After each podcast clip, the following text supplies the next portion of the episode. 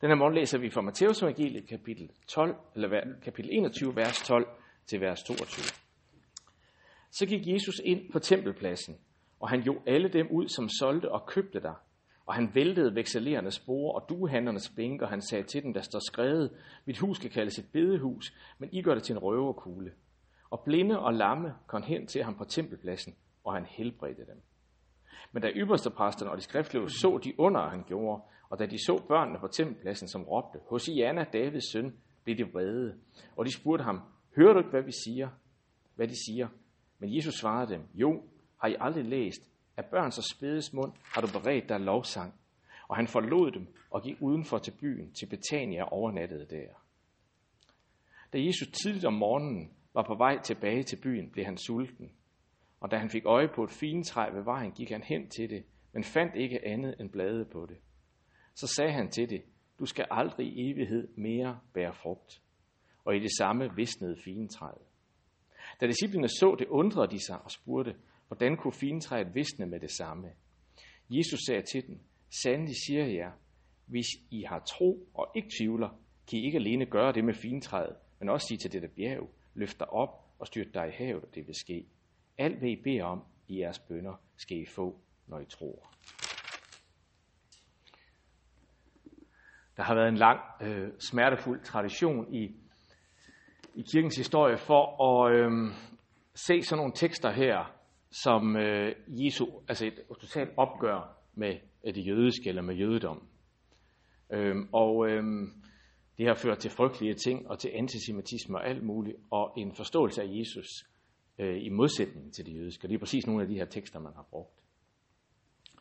Øh, det man heldigvis mange måder gået fra nu, og har en meget mere øh, forståelse af Jesus som jøde, og en meget mere jødisk læsning af, af Nytestamentet.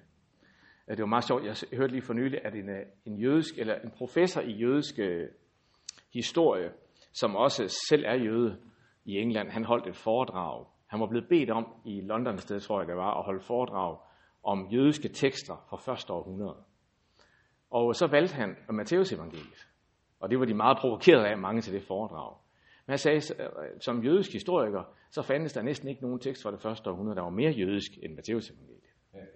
For som han sagde, hvis man tror, at Jesus af Nazareth var Messias, så giver alt det, der står mening for enhver jøde, siger han. Så spørgsmålet er, om han tror det eller ej. Og det er jo en meget præcis faktisk udlægning også af den her tekst. For det hele handler om, hvem Jesus er. Øh, Jesus er, og det siger han jo andre steder, det nye tempel.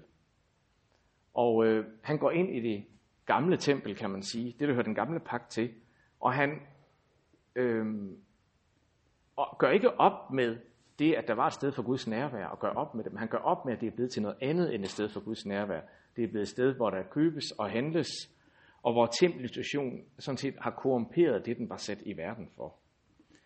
Noget, jeg lige opdagede nyt i beretningen her, jeg ikke har tænkt på før, det er, at Matthæus fortæller, at samtidig med, at han gik ind og smed alle de her kræmmere ud af templet, og kaldte det til at blive et bedehus, så kom folk og blev helbredt lige der samtidig. Så det er altså både en beretning om åndskamp og opgør, men det er også en beretning om helbred, så det har jeg bare ikke lige tænkt på før.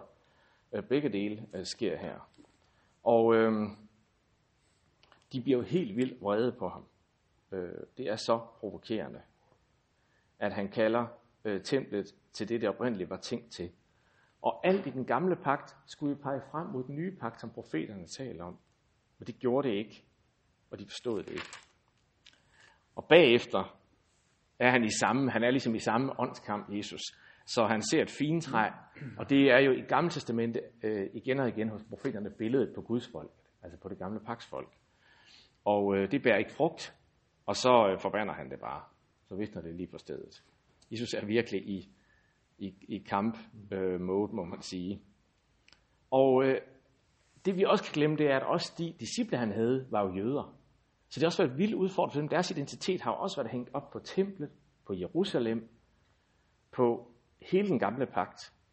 Og alt det udfordrer Jesus, eller nytolker, eller siger, nu kommer der noget nyt, som er langt større end det gamle.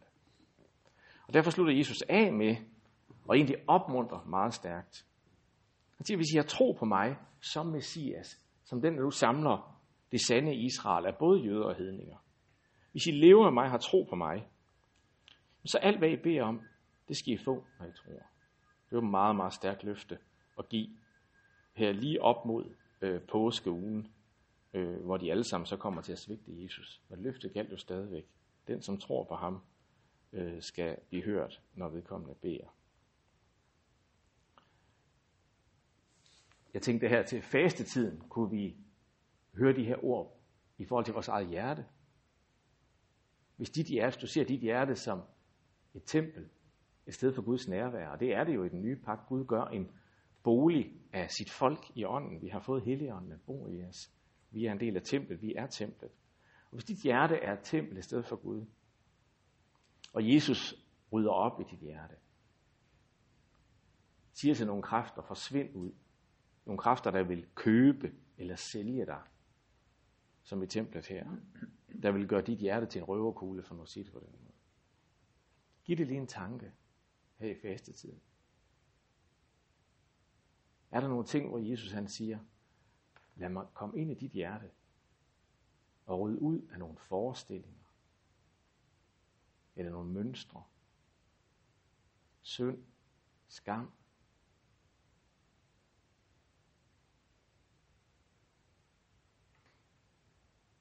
skyld,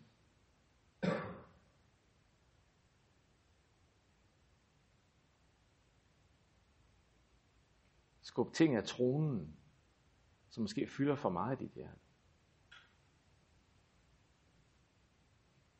Som tror med at tage magten over det.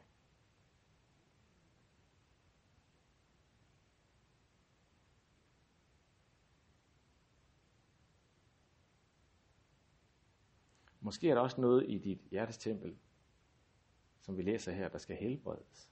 Jesus bare ønsker at helbrede. Og Jesus ønsker at kalde barnet så ryst frem i dit hjerte. Der var pris af ham.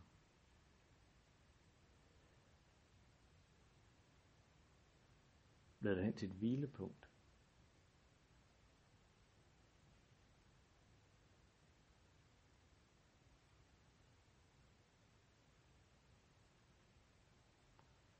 Og måske er der noget, der er ufrugtbart i vores hjerte, som Jesus faktisk vil lade visne. Det skal sådan set bare dø bort, for det er ufrugtbart. Måske var det engang frugtbart, det er det ikke mere.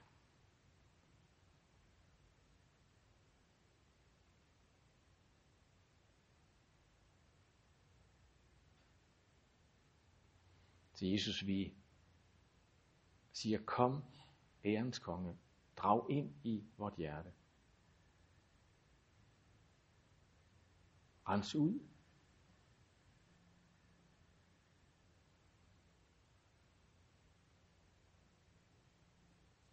Bring liv, fred, lægedom.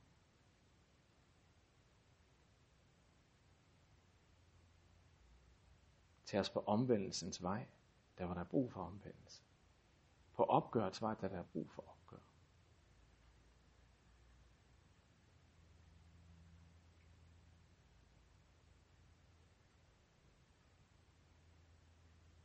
så vi kan få plads til dig i vores hjerte, og troen på dig, og vores bøn kan blive hørt. Det beder vi om i Jesu navn. Amen. Mm.